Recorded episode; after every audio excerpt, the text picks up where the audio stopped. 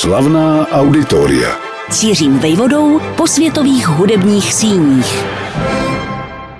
Někdy se člověku stává, že skutečný smysl jeho konání se vyjeví až po čase zpětně, když si totiž uvědomí, co bylo v jeho skutcích zdánlivě důležité průběžně, ale kam přitom jeho cesta vedla skrytě, k tomu, co se nakonec ukázalo jako podstatné.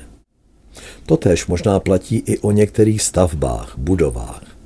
Příklad nad jiné, dům umění v Košicích, němž díky výtečné akustice zní velice dobře klasická hudba. Nejen při koncertech, ale též během natáčení. Při vší úctě ba pětě k minulosti tohoto objektu se proto zdá, že po svém doslova znovu zrození našla význam přesahující jednu komunitu a oslovující širokou kulturní obec. Osudy tzv. neologické synagogy v centru Košic jsou spjaty s tím, jak významnou část obyvatel zde kdysi židé představovali. V 19. století tvořili ve městě plnou pětinu. Žili zde, pracovali a mnozí požívali úctu. To vše skončilo druhou světovou válkou a holokaustem. Domů se jich nevrátila drtivá většina, kolem 12 tisíc. Co se zdejšími synagogami, bylo jich totiž původně víc. To nikdo netušil. Svůj smysl jako místo modliteb a setkávání ztratili. Budou tedy chátrat a dočkají se nakonec zboření? Vypadalo to tak. Do toho se ovšem ve druhé polovině 60. let začal psát jiný příběh. V Košicích, co by spolu s Bratislavou a Banskou Bystricí jedním ze tří nejvýznamnějších měst Slovenska, vznikal symfonický orchestr, nynější státní filharmonie Košice. Oficiálně byla založena v roce 1968 a na jaře roku následujícího začala koncertovat. Jenomže kde bude ve svém městě vystupovat? Operní dům a krásný tu existuje, ale pro symfonickou hudbu bylo třeba najít místo, kde se kvalitně rozezní. Na výstavbu nové koncertní síně Nebyl čas ani peníze. A tak se v čísi bystré hlavě zrodil nápad, který brzy potvrdil svou oprávněnost. Proč naplno nevyužít nedávno zrekonstruovanou synagogu? Přijatelně rozšířenou, ale dosud nepříliš využívanou. Vždyť je to cená ukázka meziválečné architektury.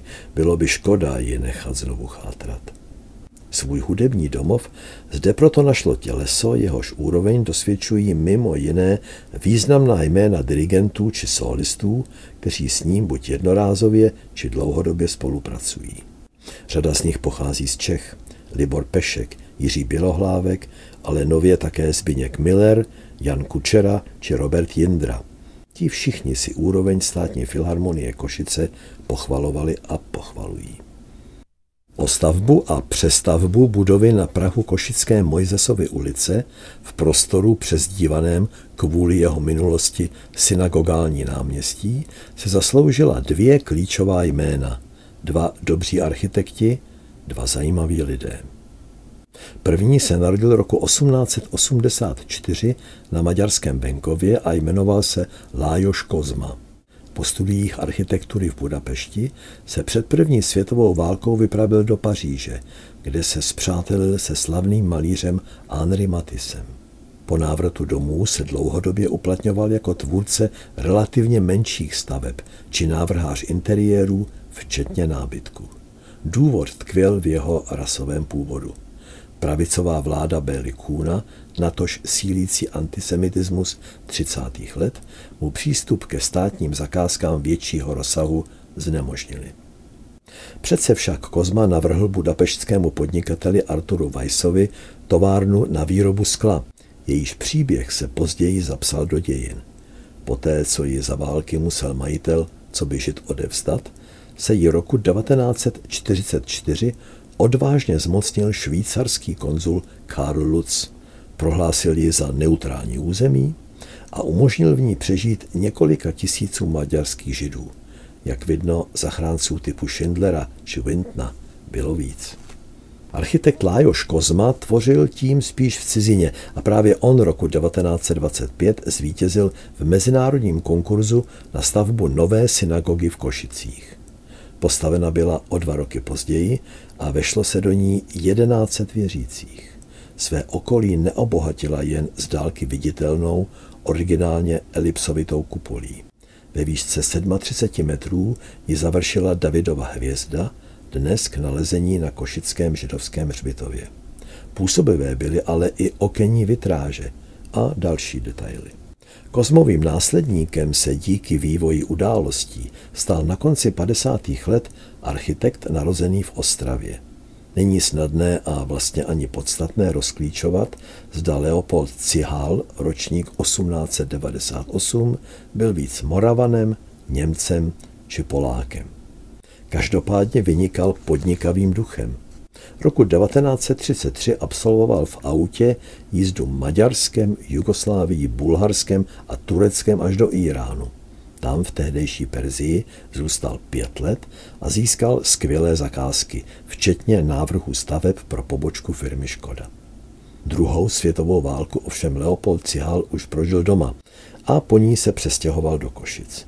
Tam mu byl roku 1958 zadán úkol proměnit někdejší synagogu v koncertní sál, kde mohou probíhat též výstavy a nazvaný proto Dům umění. Vyřešil to i pomocí přijatelně vyhlížející přístavby z boku budovy, která vnitřní prostor ještě zvětšila. Šlo o jednu z jeho posledních významných realizací v tehdejším Československu. Roku 1965 Leopold Cial emigroval do západního Německa. Nedočkal se proto koncertů v Košicích, kterým později dominovali Igor Oistrach, Ivan Moravec, Dieter Fischer-Dieskau, Josef Suk, Gidon Kremmer anebo Sergej Kopčák. Dirigoval také Valerij Gergiev. Jakkoliv to zní nepravděpodobně, z Košického domu umění vede jedna z cest až k božskému Lučánu Pavarotimu. Tato cesta se vrací do roku 1998. Ten totiž pěvci, kromě dalšího z koncertů tří tenorů, tentokrát při fotbalovém mistrovství světa v Paříži, přinesl i dva nečekané zážitky. První se týkal udělování cen Grammy v únoru – druhý pobytu v Košicích o tři měsíce později. Oba stojí za stručné převyprávění. Pavarotti byl na počátku roku 1998 pozván do Ameriky ze dvou důvodů. Byla mu uspořádána podsta formou koncertu, na kterém jeho árie zpívali i hvězdy popu či roku. A o pouhé dva dny později měl, co by překvapení večera, ozdobit udělování cen Grammy tím, že zaspívá slavnou árii Nesun Dorma z posledního dějství Pucciniho opery Turandot. Mezitím ale přišel ohlas, aniž by se to namáhal komukoli sdělit. Až mu na poslední chvíli zavolal zoufalý producent do hotelu a zjistil, co se děje. Jak to vyřešit, co s tím? Režisér přenosu si vzpomněl, že během pocty se s touto árií po svém Originálně, ale zajímavě vyrovnala Aretha Franklin. Naštěstí byla znovu přítomná, vpadl za ní do šatny, když právě spokojeně pojídala kuře. A jak byla v dobré náladě, vyhověla. Pavaroty úplně klidný se prý díval v hotelovém pokoji na televizi a nadšeně aplaudoval. V květnu 1998 se poté Lučano objevil v Košicích. Jak se to podařilo a kolik to stálo? To nelze dohledat. Ví se jen, že cena vstupenky se rovnala měsíční mzdě. Měl na honoráři Pavarotimu zásluhu primátor Košic Rudolf Schuster?